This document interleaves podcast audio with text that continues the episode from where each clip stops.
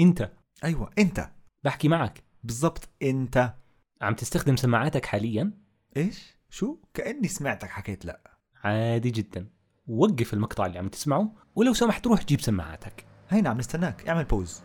واذا كنت بتسوق صف على جنب اذا كنت في الحمام إيه أيوة. آسف، لا لا تهوش بالضبط طيب زبط قعدتك ورجع ظهرك لورا واسنده وخليني نسالك بس كم من سؤال والله ما راح نطول عليك حط رجل فوق الثانيه اي رجل حطيت فوق الثانيه الرجل اليمين فوق الشمال ولا العكس اشبك ايديك ببعض زي هيك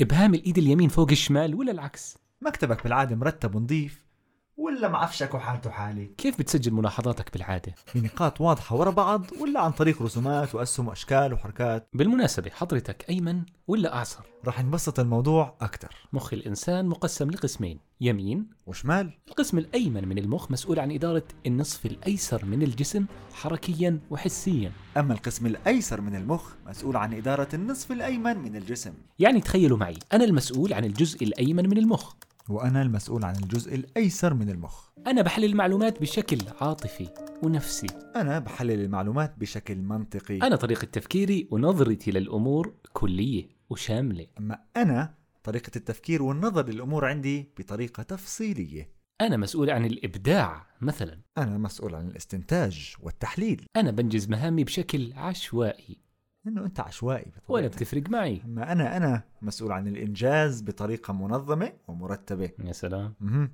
أنا بستخدم الحدس لحل المشاكل أما أنا بستخدم المنطق لحل تعرف المشاكل ايه عن المنطق ومعظم الناس بيستخدموا الجزء الأيسر من المخ يعني إيدهم اليمين أكثر تقريبا 90% من الناس الأهم كيف ممكن نمرن الجزء الأيمن أكثر في طرق وتمارين بسيطة جدا يعني حاول تلون بإيدك الشمال حاول تعكس توقيعك أو وقعه بإيدك الشمال مثلا ولما تصحى الصبح مشط بإيدك الشمال ولا تنسى تفرش أسنانك برضه بإيدك الشمال طيب خلينا نرجع في الزمن لورا شوي